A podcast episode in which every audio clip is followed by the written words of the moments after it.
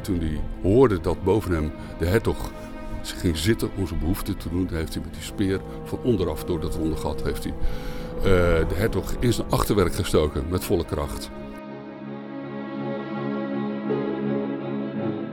De Dag van Toen podcast. Geschiedenis uit Zuid-Holland. Met Dave Datema. Welkom terug bij de Dag van Toen podcast. Door corona is de winterstop iets langer geworden dan verwacht, maar vanaf nu weer elke zondag geschiedenisverhalen uit Zuid-Holland. Deze week blikken we in aflevering 12 terug op een moordaanslag. Het slachtoffer hertog Godfried met den Bult. De locatie Vlaardingen in februari 1076. De hertog werd zwaar verwond met een speer terwijl hij zijn behoefte deed op een toilet. Klinkt vreselijk en dat was het natuurlijk ook, want de hertog overleed uiteindelijk aan zijn verwondingen. De huurmoordenaar was ingehuurd door Dirk V van Holland, die eerder uit het gebied was verdreven. Het klinkt allemaal als een scène uit een serie als bijvoorbeeld Game of Thrones. Dat vindt ook de Vlaardingse historicus Kees Nieuwenhuizen. Ja, nou er zit een scène in uh, die is volgens mij ook gebaseerd op een gebeurtenis die zich hier waar wij nu staan heeft afgespeeld. Want die, uh, die, er wordt op een moment een vader die wordt door zijn zoon vermoord en dat gebeurt terwijl hij op het toilet zit. Straks meer hierover. Eerst terug naar de actualiteit en de recente geschiedenis. Rusland viel deze week Oekraïne binnen. In meerdere plaatsen zijn kleine demonstraties geweest, maar niet op zo'n grote schaal als in 1956. Toen vielen de Russen namelijk Hongarije binnen om daar protesten keihard neer te slaan. Dat maakte in het Nederland van de jaren 50 veel los. Toegegeven, het was de tijd van de Koude Oorlog en de Tweede Wereldoorlog was net koud tien jaar achter de rug. En dat was waarschijnlijk ook de reden dat er veel meer bij werd stilgestaan. Wat was het verhaal? Wat begon als een studentenprotest in Budapest leidde uiteindelijk tot een inval in het parlement. Het pro-Russische bewind werd verwijderd en Hongarije stapte uit het Warschau-pact. De Russen beloofden troepen weg te halen en wilden onderhandelen met de protestleiders. Maar toen die kwamen opdagen, werden ze opgepakt, troepen reden het land in en bloedige gevechten ontstonden. Duizenden mensen hebben het leven daar verloren. En dat maakte allemaal veel los in Nederland. Er waren protesten die vreedzaam en soms minder vreedzaam verliepen. In vele plaatsen zochten de woede en de verbittering der bevolking een uitweg in demonstraties, waarbij de eigendommen van de communistische organen in Nederland het moesten ontgelden. In Amsterdam werd daarbij de inventaris van de communistische boekhandel en uitgeverij in de Leidse straat geheel vernield.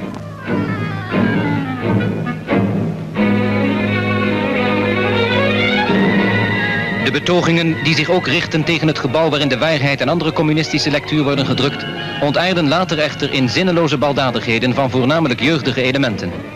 De politie trad hier krachtig tegenop. De activiteit van de politie kon echter niet verhinderen dat ook in dit gebouw ernstige schade werd aangericht. Ook in Rotterdam liepen de protesten uit de hand en ook daar was de woede gericht op de communisten, zoals de makers van de linkse krant De Waarheid, dat was gevestigd op de Heemraad Singel. Het personeel werd smiddags al om zes uur naar buiten gehaald door de politie en dat was maar goed ook, want in de loop van de avond ontstond er een grote mensenmenigte voor het gebouw waar de redactie was gevestigd. Reeds om acht uur drongen duizenden jongeren op naar de hekken die de politie op flinke afstand van het waarheidkantoor had laten neerzetten. Voetzoekers knalden en stenen vlogen door de lucht. Zo groot werd het rumoer en zo groot ook de menigte dat de politie tenslotte wel moest ingrijpen. Een fragment uit het Vrije Volk van 6 november 1956. Ook een communistische boekhandel ontsnapte niet aan de woede van de menigte. De eigenaar van de zaak was wel al zo slim geweest om de ruiten te beschermen door er planken voor te plaatsen, maar uiteindelijk gingen die ruiten er ook aan. In het centrum van Rotterdam ontstond een kat-en-muisspel tussen de politie en de demonstranten. De motoren met zijspan stoven de trottoirs op, rakenklappen werden uitgedeeld. Er werd met stenen teruggegooid en op de hoek Hemeraad-Singel, Graaf Florenstraat ontstond een kleine veldslag. Dit was de climax. Langzamerhand werd het wat rustiger. Nogmaals het vrije volk. Ook in andere steden in Zuid-Holland was het raak. In Dordrecht kende de gemeenteraad één communistisch raadslid. Zijn huis werd bestormd. Mensen drongen het huis binnen, gooiden communistische propaganda op straat en staken het in brand. Het gezin van het raadslid was op dat moment gewoon thuis. In Den Haag raakten zeker vijf agenten gewond bij relletjes. De politie greep in met gummiknuppels en, hou je vast, sabels. Maar niet overal was het onrustig. Er waren ook veel demonstraties die juist wel vreedzaam verliepen. In tegenstelling tot deze onwaardige uitingen stonden de stille nachtelijke bedentochten die in vele steden werden gehouden. Aan deze zwijgende demonstratie, waarin men zich bezon op het lot van de onderdrukte Hongaren, werd in Amsterdam door ongeveer 20.000 mensen deelgenomen. Overal in het land vonden verder grote demonstratieve bijeenkomsten plaats. In de voormalige Dominicanerkerk in Maastricht luisterden enige duizenden naar Freule Utewaal van Stoetwegen. Zij was een van de woordvoerders van de samenwerkende democratische partijen... die hier en elders in protestvergaderingen gezamenlijk wilden getuigen... van de ontzetting die het Russische optreden tegen de Hongaren in Nederland teweeg heeft gebracht. In Rotterdam verzamelden zich tezelfde tijd ongeveer 12.000 mensen in de Ahoy-hallen. Hier werd onder meer het woord gevoerd door professor Oud... die vurig pleitte voor de eenheid van het Westen. Het medeleven met het Hongaarse volk noemde professor Gerbrandi een nationaal gebeuren... waarin alle scheidingslijnen opnieuw zijn weggevallen. En hij zei voorts dat een protest als dit zeker zin heeft. Om ons protest, uw protest van hedenavond, kan veel doen als het gedragen wordt door een diep doorleefde overtuiging. Het opmerkelijke was overigens dat de toespraken in het volle Ahoy in Rotterdam werden gehouden in een boksring. Dat had te maken met de bokswedstrijden die later op die dag werden gehouden. Het droeg wel bij aan de strijdbare manier waarop Oud overkwam. Burgemeester van Walsum van Rotterdam deed in zijn slotwoord nog wel de oproep om zich niet te vergrijpen aan communistische gebouwen en bezittingen. Maar dat was vooral voor de jonge aanwezigen aan dovermansoren gericht. Die gingen rechtstreeks naar de Hoogstraat, waar al honderden jongeren zich hadden verzameld. En wat daarna gebeurde, dat was eerder al verteld. Geschiedenis uit jouw omgeving. Dit is de Dag van Toen podcast. Dan het grote verhaal van deze aflevering van De Dag van Toen. Een machtsstrijd tussen een bisschop en een graaf in de 11e eeuw in Holland. Een ingenieus moordplan en een zeer pijnlijke dood. Het verhaal van de moordaanslag op Godfried met de Bult in het Vlaanderen van 1076 spreekt tot de verbeelding. Er werd op het leven gebracht terwijl hij zijn behoefte deed op een soort wc op een gruwelijke manier. De plaats waar de aanslag plaatsvond was dus Vlaardingen, toen al een plaatsje met een paar honderd inwoners. Historicus Kees Nieuwenhuizen onderzocht de moordaanslag op deze Godfried met de Bult en ik sprak hem op de plek van de aanslag, het centrum van Vlaardingen, pal naast de Grote Kerk. Naast het beeld van Dirk III, graaf van Holland, want bij deze graaf begint het verhaal. Ja, Dirk III die, uh, had ontzettend ruzie met de bisschop van Utrecht, met zijn buurman. En die ruzie die heeft eigenlijk eh, de hele 11e eeuw geduurd. Uh, Holland en Utrecht hebben een eeuw lang in het, in teken van dat conflict gestaan. De bisschop van Utrecht, bisschoppen van Utrecht die wilden hier de macht hebben, hier in het westen van Nederland, in Holland. Ze vonden dat dat gebied eigenlijk uh, aan hun toebehoorde. En ze hebben met, met militair geweld een paar keer geprobeerd dat in te nemen. En nou, dat was met, met wisselend succes. Dus die, de, de de machtsverhoudingen zijn een paar, heen, een paar keer heen en weer gegolfd. En de, de eerste grote poging was in 1018. Toen heeft de toenmalige bisschop Abelbold geprobeerd uh, Vlaardingen te veroveren. Het is een grote veldslag geworden, de slag bij Vlaardingen in 1018. En uh, de Vlaardingers, onder leiding van Dirk III, die hebben toen uh, gewonnen. Tot groot verdriet van de Utrechters. en de, de, de, graven van Holland die, die zijn toen gewoon hier de baas gebleven. We staan hier nu naast de kerk van Vlaardingen. Het is nu stedelijk gebied. We zijn vlakbij het stadhuis, oude panden. Hoe zag het gebied er toen uit? Nou, die kerk waar we nu staan, die staat er al heel erg lang. Die stond er toen, we spreken over duizend jaar geleden, stond hier ook al een paar honderd jaar. Die is waarschijnlijk in het jaar, rond het jaar 700 is die aangelegd. De tijd van Willibrord, van de eerste zendelingen. Dus uh, toen was het, was een veel kleiner kerkje, een houten gebouwtje. En de loop van de eeuwen een paar keer herbouwd. Maar uh, dit centrum van Vlaardingen is dus al uh, 1300 jaar oud, op zijn minst. Uh, en er, woonden hier toen al mensen. Dit, dit was een, een, een, verhoogd, een hoog gelegen gebied langs de, de rivier, de Vlaarding. Dat is nu de oude haven. Die loopt hier vlak achter. Hier in de buurt waren boerderijen. En hier vandaan loopt de, de Hoogstraat. Dat is een van de oudste straten, of misschien wel de alleroudste straat van, uh, van Holland. En eh, daar, eh, eh, daar stonden ook al huizen en eh, mensen die daar woonden. Dus het, het was al een, eh, in die tijd een kleine nederzetting. eh, met een paar honderd inwoners. En eh, voor eh, die tijd was, was dat eh, heel wat. Eh, en Vlaardingen was dus rond het jaar 1000 een van de belangrijkste plekken, een van de belangrijkste eh, vest, eh, eh, plekken nederzettingen in, in Holland. En de rest van Holland, hoe zag dat er eigenlijk uit? Was dat echt een beetje zoals we het nu kennen, veel landbouw? Nou, het, het- een heel groot gedeelte was nog niet geschikt voor landbouw. Het was een, een veenmoeras. Dus het was heel erg, ja, je kreeg overal natte voeten. En er waren wat plekjes ertussen waar het wat hoger gelegen was. Langs de kust, in de duinen en langs de rivieren op de oeverwallen. Eh, en daar, daar kon je huizen bouwen. Eh, dus daar woonden de mensen. En dat, dat veenmoeras, juist in die tijd, duizend jaar geleden, toen werd dat langzamerhand eh, drooggelegd. Eh, dus het werd ontwaterd, waardoor de, dat, dat, die, die, die, die waterlaag die, die, die verdween. En da- dan, als het dan langzaam droog viel, dan kon je er vee gaan houden of je kon er graan gaan verbouwen. En dan kon je er echt eh, een landbouwbedrijf eh, beginnen. Dus zo duizend jaar geleden is die ontwikkeling in gang gezet. Toen werd dat, dat, dat natte veenmoeras, dat werd landbouwgrond. En er kwamen toen ook steeds meer mensen hier naartoe, omdat je hier een, een bestaan op kon bouwen. Maar het was dus niet zozeer een gebied wat al heel erg in opkomst was. Het was een, gebied met potentie erin. Ja, de, die, die potentie, nou, die zat er natuurlijk al de hele tijd. Maar dat, dat is toen zo rond het jaar 1000 is dat eh, eruit gekomen. Toen, toen, toen, eh, ja, toen, toen heeft het zich als agrarisch gebied ontwikkeld. Heeft het zich economisch ontwikkeld. En toen eh, kwamen er ook van heinde en ver mensen hierheen om hier te werken en te wonen. En vanaf die tijd is het dus ook een hele steile bevolkingsgroei geweest hier in Holland. Dus die, eh, voor die tijd eh woonden er in, in heel Holland, van, van, van Texel tot Middelburg, waren misschien 20.000 mensen. Dat kun je nu, nu niet meer voorstellen, want het zijn er nu 7 miljoen. Eh, maar die, eh, die groei die is toen ingezet.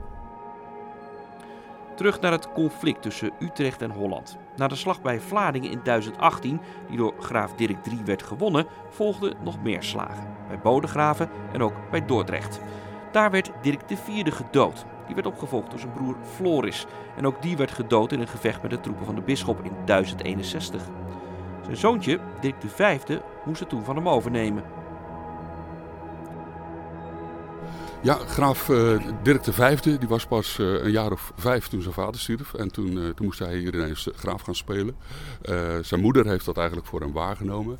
En die is opnieuw getrouwd met een zoon van de graaf van Vlaanderen. Die heette Robrecht. En die is hier toen regent geworden. Dus we hebben een tijd lang hebben we een Vlaming als graaf van Holland gehad. Ehm, dat heeft een paar jaar geduurd en toen was er inmiddels weer een nieuwe bisschop in Utrecht. Die heette Willem. En die heeft weer eens een poging ondernomen om de eh, Hollandse graaf te verjagen. En hij had deze keer wel succes, die Willem. En dat kwam omdat hij hulp kreeg van de hertog van Neder-Lotharingen, Godfried. Eh, dat was een heel machtige man, was een heel eh, ingenieus militair. En hij had ook een hele grote legermacht die hij meebracht. En eh, die heeft een, eh, eh, samen met die, met die Willem een, een eh, militaire operatie opgezet om, om Holland, om het westen van Nederland helemaal schoon te vegen. En De keizer die, die wilde eigenlijk liever bisschoppen dan graven hebben. Die graven dat waren maar lastige jongens die hun eigen gang wilden gaan. En die hun eigen belasting wilden gaan heffen en eh, hun eigen economische macht vormden. Dus eh, de keizer die bevoordeelde de bisschoppen en eh, ten koste van de, eh, van de graven. Dat gebeurde overal in het, in het Rijk. En daar werden dus de graven van Holland ook het slachtoffer van. Althans, dat probeerde de keizer. En hij werd erbij geholpen door de, de hertogen die, die aan zijn kant stonden. En ze zijn toen eh, Holland binnengevallen. eh, in het zuiden van Holland begonnen. Waarschijnlijk hier in de buurt, in Vlaardingen. En vandaar zijn ze naar het noorden getrokken. En toen heeft er eh, bij de burcht van Leiden een, een, een grote beslissende veldslag plaatsgevonden in het jaar 1070. En daar is eh, die Robrecht eh, met zijn Gertrude en met hun jonge zoontje Dirk, die zijn daar verslagen. En die zijn toen op de vlucht gegaan, die zijn in een boot gestapt. de Oude Rijn afgevaren en terug naar Vlaanderen. Daar was, was hij Robrecht bij zijn familie was hij veilig. En ze moesten het, het, het graafschap Holland overlaten aan, aan de bisschop Willem en aan de hertog Godfried. Dus Holland maakte toen deel uit van het bisschop Utrecht? Ja, dat, uh, dat kun je zo wel zeggen. En uh, ze hadden geen, uh, geen zelfstandige leider meer. En die Godfried en Willem die zijn het jaar daarna zijn ze nog verder naar het noorden doorgetrokken. Helemaal voorbij Alkmaar tot aan Texel. Hebben ze dus heel het westen van Nederland hebben ze veroverd. En ondertussen zat die, die, die, die Robrecht, die, die zat in, Vlaanderen. Nou, hij zat niet helemaal duimen te draaien, want hij is daar... Ondertussen is hij zelf graaf van Vlaanderen geworden. En hij had eigenlijk geen tijd een paar jaar lang om zich met Holland te bemoeien. Dirk V groeide op bij zijn stiefvader Robrecht in Vlaanderen. Hij kreeg een militaire opleiding in het leger en leerde lezen en schrijven. Toch bleef Holland trekken. Uh, uh, toen hij een jaar of twintig was, toen, ja, toen, begonnen zijn, zijn ambities op te spelen. Hij was eigenlijk erfgenaam van het graafschap Holland. Maar hij zat in Vlaanderen en hij wilde in Holland de graaf zijn. En hij heeft toen samen met zijn stiefvader, Robrecht, de graaf van Vlaanderen, hebben ze een, een, plan bedacht om de macht in Holland weer terug te krijgen. En dat plan dat, dat bestond uit twee stappen, want er waren twee vijanden eigenlijk die ze hier uit moesten schakelen. Dat was de, de hertog van Lotharingen, die hier nu eigenlijk graaf aan het spelen was, en de bisschop van Utrecht. Dat waren hun twee grote vijanden en die moesten allebei uitgeschakeld worden om hier de macht terug te krijgen. Die hertog van Lotharingen, een van de, uh, van de hoofdrolspelers in dit verhaal, Godfried met de bult. Mm Wie was hij? Hij kwam uit een, uh, uh, een geslacht van hertogen, een geslacht van je mag wel zeggen, ijzervreters. Zijn, zijn, uh, zijn vader en zijn, zijn auto, en alle, de, een auto van hem, die had hier, dat was de leider van de slag bij Vlaardingen in 1018. Die heeft toen weliswaar verloren, maar die heeft ook een hoop successen op zijn naam staan. Zo'n hertog, dat was eigenlijk een, een, een superminister van Defensie. Uh, in het Duitse Rijk waren er een stuk of zeven van dat soort hertogen. En die hadden allemaal een, een gebied onder hun bewind. En die Godfried die had dan het gebied wat, uh, dat heette Neder-Lotharingen. Dat komt ongeveer overeen met de huidige Benelux. En daar was hij de, de hoogste militair. Dus als, daar, uh, als er een aanval was van buiten, dan moest hij de leiding nemen om de verdediging op zich te nemen. En hij had ook de macht om alle graven en bisschoppen in dat gebied om die te verplichten dat ze soldaten moesten leveren. dat, dat kon hij gewoon eisen. Eh, die macht was hem gegeven door de keizer van het Duitse Rijk. Dus die Godfried was, was een van de telgen uit, uit dat, dat geslacht van hertogen die hier het, militaire gezag voerden. Um, hij was hij heette met de bult, dat was zijn bijnaam. En omdat hij een bochel had en een hele gedrongen gestalte, dus hij, hij zag er eigenlijk niet uit. Maar hij werd wel al omgerespecteerd omdat hij als militair uh, heel veel talent had als veldheer. Uh, hij heeft een aantal veldslagen heeft hij geleid en heeft hij gewonnen. Dus ondanks dat, dat lichamelijk gebrek was hij een zeer gerespecteerd persoon. En hij had, ehm, ja, had niet alleen dat talent, maar hij beschikte ook over een heleboel soldaten. Hij bracht ook een heel groot leger mee. Dus die, die combinatie dat, dat maakte hem heel succesvol. En, en, daarom was door de keizer ook ingezet om, om, om de bisschop van Utrecht te helpen. Want de bisschop zelf die, uh, ja, die was op dat punt niet zo, niet, niet zo getalenteerd.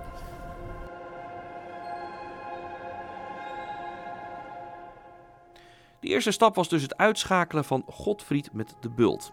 De hertog arriveerde in februari 1076 in Vlaardingen. En op een of andere manier kwamen Dirk V en zijn stiefvader Robrecht daarachter. Ze besluiten om een sluipmoordenaar in te zetten. Die heette Gieselbert en die moet hier goed bekend zijn geweest. En die heeft zich onopvallend onder het volk gemengd. Er zijn verschillende verhalen over. Er wordt ook gezegd dat hij uh, zich eh, bij het keukenpersoneel heeft aangesloten. Dat hij als vermomd als kok eigenlijk in de huishouding van de, van de hertog ging werken. En nou, hij is hier een paar dagen geweest en heeft de, de gangen van de, de hertog heeft hij, gevolgd. Hij wist waar hij, waar hij verbleef, waar hij sliep. En hij ontdekte dat die hertog de gewoonte had om midden in de nacht zijn bed uit te gaan om naar het toilet te gaan. Dat gebeurde waarschijnlijk in de burcht van Vlaardingen, of niet? Ja, uh, vermoedelijk is dat in, waar we nu staan, de, de burcht van Vlaardingen, die, uh, dat is uh, al, al meer dan duizend jaar lang is dat het, het oude centrum, de, de heuvel waarop de kerk staat. Maar dat was ook een, een militaire militair verdedigde plaats. er zat waarschijnlijk een, een, een, een, muur omheen van houten palen, een palissadewal en daaromheen nog weer een, een gracht. Godfried, die, die verbleef waarschijnlijk in een stenen huis. Ehm, en hij had zijn slaapkamer op de eerste etage. En uh, die middeleeuwse toiletten, dat weet je misschien, dat waren van die uitbouwtjes aan de buitenkant van de muur. Dat was een uitbouwtje met, met een zitting en een rond gat erin, daar kon je op gaan zitten. En dan, als je behoefte deed, dan viel dat gewoon naar beneden langs de muur in de gracht of in een greppel. En dat werd af en toe, als iemand dus in een held werd dat opgeruimd. En uh, Godfried, die, uh, die ging daar uh, eens in de nacht, moest hij daar naartoe. En die sluipmoordenaar, die Gieselbert, die had het ontdekt. En die heeft zich op een, op een nacht in de winter, 19 februari was het, heeft hij zich opgesteld bij de muur van dat huis van Godfried. En hij heeft gewacht tot hij gestommel hoorde van de hertog die zijn bed uitkwam en voor zijn nachtelijke toiletbezoek. En toen heeft hij zich opgesteld onder dat overhangende toilet. En had een, wapen bij zich, dat was een zwaard of een puntige speer. En toen hij hoorde dat boven hem de hertog ging zitten om zijn behoefte te doen, heeft hij met die speer van onderaf door dat ronde gat heeft hij, uh, de hertog in zijn achterwerk gestoken met volle kracht. Gieselbert gaat er snel vandoor naar de aanslag en verdwijnt in de anonimiteit van de geschiedenis. Het slachtoffer, Godfried, overleeft aanvankelijk de aanslag. Hij heeft zelf opdracht gegeven van breng mij naar Utrecht. Want hij wist dat in Utrecht daar zat zijn grote vriend, bisschop Willem. En daar zou hij veilig zijn. Terwijl hij, hij besefte dat in Vlaardingen was hij eigenlijk in een heel vijandige omgeving. En hij hoopte dat in Utrecht dat hij daar ook uh, medische verzorging zou krijgen. En uh, nou, dat heeft hij daar waarschijnlijk ook wel gehad. Maar dat mocht niet meer baten, want hij was zodanig verwond dat uh, een week later is hij toch overleden. hij heeft in Utrecht bij de bisschop in ieder geval wel, wel geestelijke bijstand gehad. En dat, dat had hij natuurlijk nodig. Um, maar hij, hij, is dus ja, per, per boot direct vertrokken en naar Utrecht gegaan. Het, het, klinkt bizar. Ja, het is een het is een, bizar, het is een bizarre politieke moord. Het is wel uh, het voorbeeld van een geslaagde politieke moord, als je dat kunt zeggen. de, ehm, het, het, beoogde slachtoffer dat is uitgeschakeld. En ehm, de, de dader, die Gieselbert, die is ontkomen. Die is gevlucht. En ehm, het uiteindelijke doel wat de opdrachtgevers hadden, dat was om hier de macht te heroveren. En dat is ze gelukt uiteindelijk. Maar daarvoor moesten ze eerst nog wel de bisschop van Utrecht uitschakelen. Dat was de tweede stap. Hoe deden ze dat? Willem, uh, die, bisschop van Utrecht, die is twee maanden na Godfried met de bult is hij zelf overleden. Een uh, natuurlijke dood. Maar die werd onmiddellijk uh, opgevolgd door een, door een nieuwe bisschop. Die door de keizer was aangewezen. Die heette Koenraad. Um, en ondertussen maakte in Vlaanderen Dirk V en zijn stiefvader plannen om uh, definitief de macht terug over te nemen in Holland. En zij hebben een, een groot leger samengesteld wat over het water uh, in een aantal schepen naar Vlaardingen is komen varen. Of de, de, hier de, de rivier op en voorbij Vlaardingen naar IJsselmonde. Want bij IJsselmonde had de bisschop een grote burcht uh, om eigenlijk de toegang tot zijn bisdom te verdedigen. En die Koenraad die, uh, die had zich in die burcht uh, verschanst met een heleboel soldaten, want hij wist dat die aanval eraan kwam. En die kwam op 8 juni in datzelfde jaar 1076. Toen verscheen dus die grote oorlogsvloot uit Vlaanderen voor de poorten van de burcht van IJsselmonde. En daar heeft toen weer een grote veldslag plaatsgevonden. Uh, Uh, Robrecht, uh, de, de, graaf van Vlaanderen en Dirk V, die waren er allebei bij. Die hadden een groot leger met Vlaamse soldaten. En ehm, die hebben die burcht omsingeld en uiteindelijk in de fik gestoken. En alle soldaten van de bisschop die daar zaten, die, die zijn gesneuveld of die zijn gevlucht. En de bisschop zelf, die was er ook en die hebben ze gevangen genomen. En toen die hebben ze wel in leven gelaten, maar die moest zich toen overgeven. En die hebben ze terug laten gaan naar Utrecht onder voorwaarde dat hij Holland nooit meer lastig zou vallen. En dat, uh, dat moest hij beloven en daar heeft hij zich aan gehouden. En daarmee was eigenlijk het, uh, het lange conflict dat tussen Holland en, uh, en Utrecht heeft gewoed gedurende de 11e eeuw. Dat, dat was bij die, met de slag bij IJsselmonde is dat tot een definitief eind gekomen. Waren er niet mensen die uh, na de uh, aanval op uh, Godfried met de Bult zeiden van... Ja, hier zit Dirk de Vijfde achter. Ja, dat, dat, dat was ook bekend. dat Dirk de Vijfde en zijn, zijn stiefvader Robrecht van Vlaanderen... Die twee, dat waren de opdrachtgevers. Dat wist iedereen ook. Dat was en dat bekend. kon ook zomaar? Ja, want zij uh, werden toen de nieuwe machthebbers. Dus, uh, dus zij waren toen de baas. Dus wie had daar wat aan uh, kunnen doen? Ja, daar, was, daar waren geen problemen mee. Nou ja, er waren misschien wel mensen die wat boos waren. Maar die konden met die boosheid verder niks doen. Want de graaf die was de nieuwe baas. En die, die maakte vervolgens de dienst uit. Dus hij was ook de hoogste rechter. Dus er was niemand meer die hem kon berechten voor die, uh, voor die moordpartij. Ja. Nou, nou viel, uh, wat, wat we nu als Nederland noemen, viel onder het, het Heilige Roomse Rijk.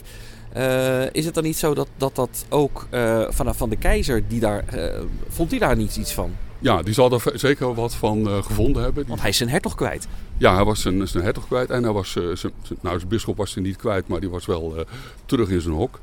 Uh, die, uh, die, die keizer die zal daar uh, zeker verbolgen en verdrietig over zijn geweest. maar die, die kon er verder weinig aan doen, want de militaire macht die, die bepaalde uiteindelijk wie er de baas was. En dat was hier. dat, was dus sinds, sinds 1076 was dat weer graaf Dirk V.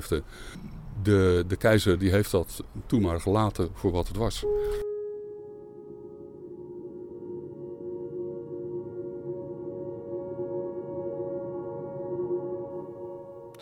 Het verhaal van een moord op het toilet komen we overigens vaker tegen in diezelfde periode van de geschiedenis, de 11e eeuw. Het bekendste verhaal is dat van de dood van koning Edmund van Engeland, die vermoord zou zijn in 1016 door een viking die zich onder het koninklijk toilet had verstopt. Maar Nieuwenhuizen heeft grote twijfels bij dit verhaal. De geschriften uit zijn eigen tijd die melden alleen dat hij, dat hij een natuurlijke dood stierf, zonder dat ze daar bijzonderheden bij geven. En pas een eeuw later wordt er verteld dat hij uh, vermoord was terwijl hij naar het toilet ging. En dat lijkt een verhaal te zijn wat eigenlijk later verzonnen is om zijn tegenstanders in een kwaad daglicht te stellen. En misschien dat de moord op Godfried met de bult daarvoor een, uh, een voorbeeld is geweest. Inspiratiebron. Ja. Uh, maar daar, ik, ik, twijfel daar erg aan of dat werkelijk zo is gebeurd. Het is, in, in Engeland is dat wel een heel uh, beroemd verhaal. Dat, Ook van onder of niet? Nou, er zijn verschillende versies van dat verhaal. Het, het, het is, één is inderdaad dat hij met de speer van onder er is, zou zijn aangevallen. Er is ook een verhaal dat er een heel ingenieus apparaat, een soort kruisboog onder het toilet, zou zijn gemonteerd.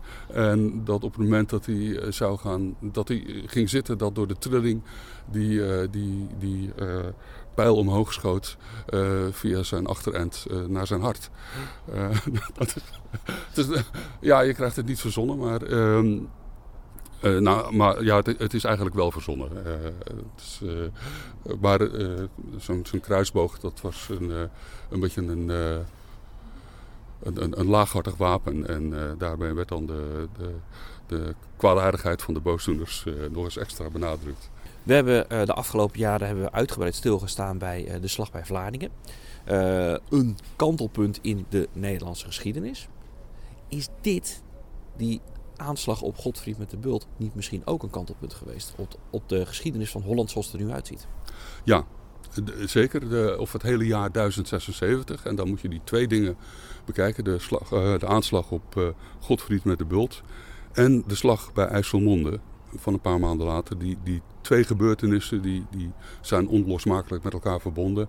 En die hebben inderdaad tot een, een kanteling in de Nederlandse geschiedenis gezorgd.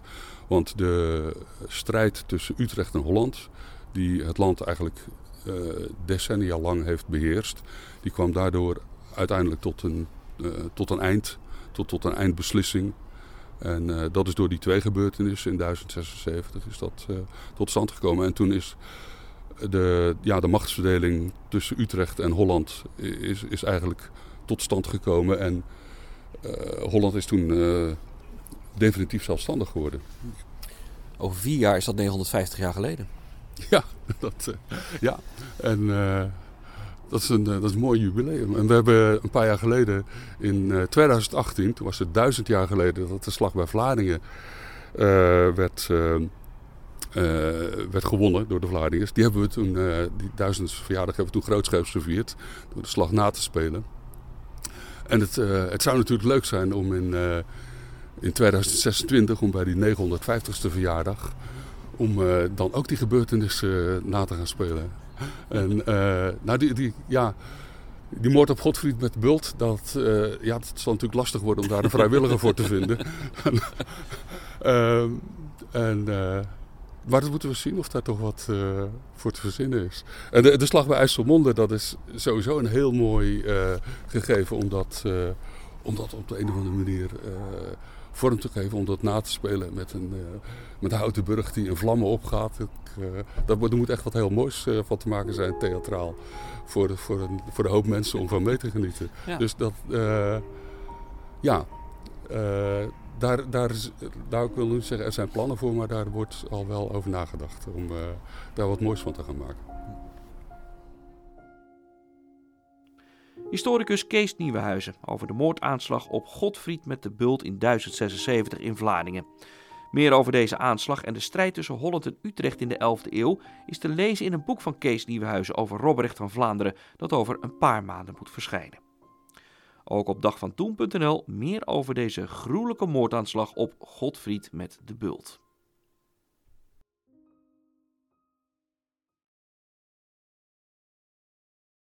Historische verhalen uit heel Zuid-Holland, van de Bollestreek tot aan Rotterdam en van Den Haag tot aan Gorkum. www.dagvantoen.nl Wat valt er deze week nog meer te zien en te lezen op dagvantoen.nl?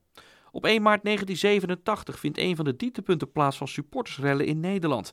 De wedstrijd Den Haag-Ajax in het Zuiderpark. Bij die rellen besluit de politie een van de Haagse vakken met supporters schoon te vegen. Tientallen mensen raken gewond omdat ze verdrukt raken. De wedstrijd gaat alsof er niets aan de hand is gewoon door. Ondertussen dreigt op de FC Den Haag-tribune het afscheidingshekken te begeven. De ME grijpt hard in terwijl het stenen regent.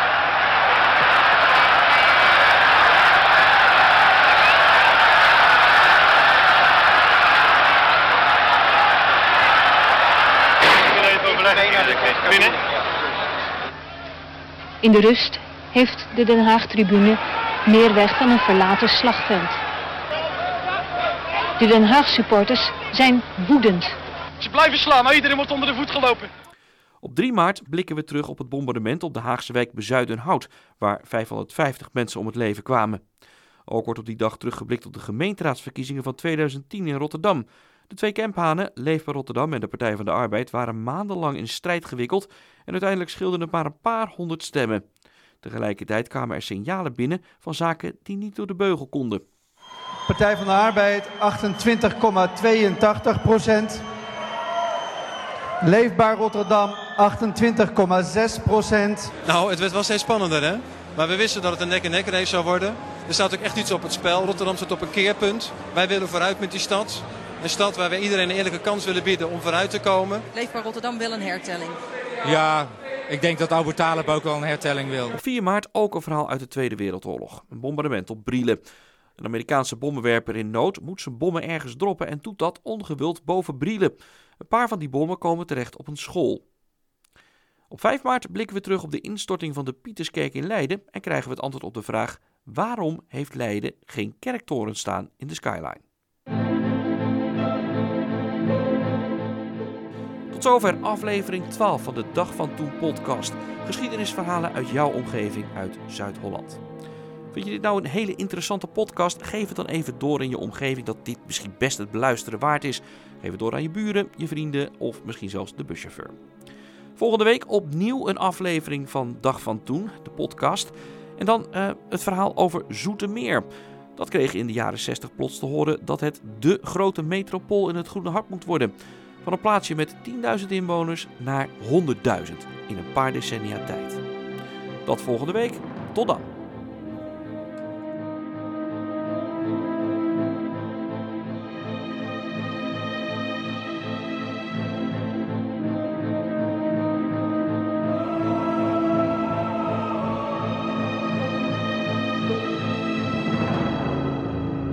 Dag van Toen podcast.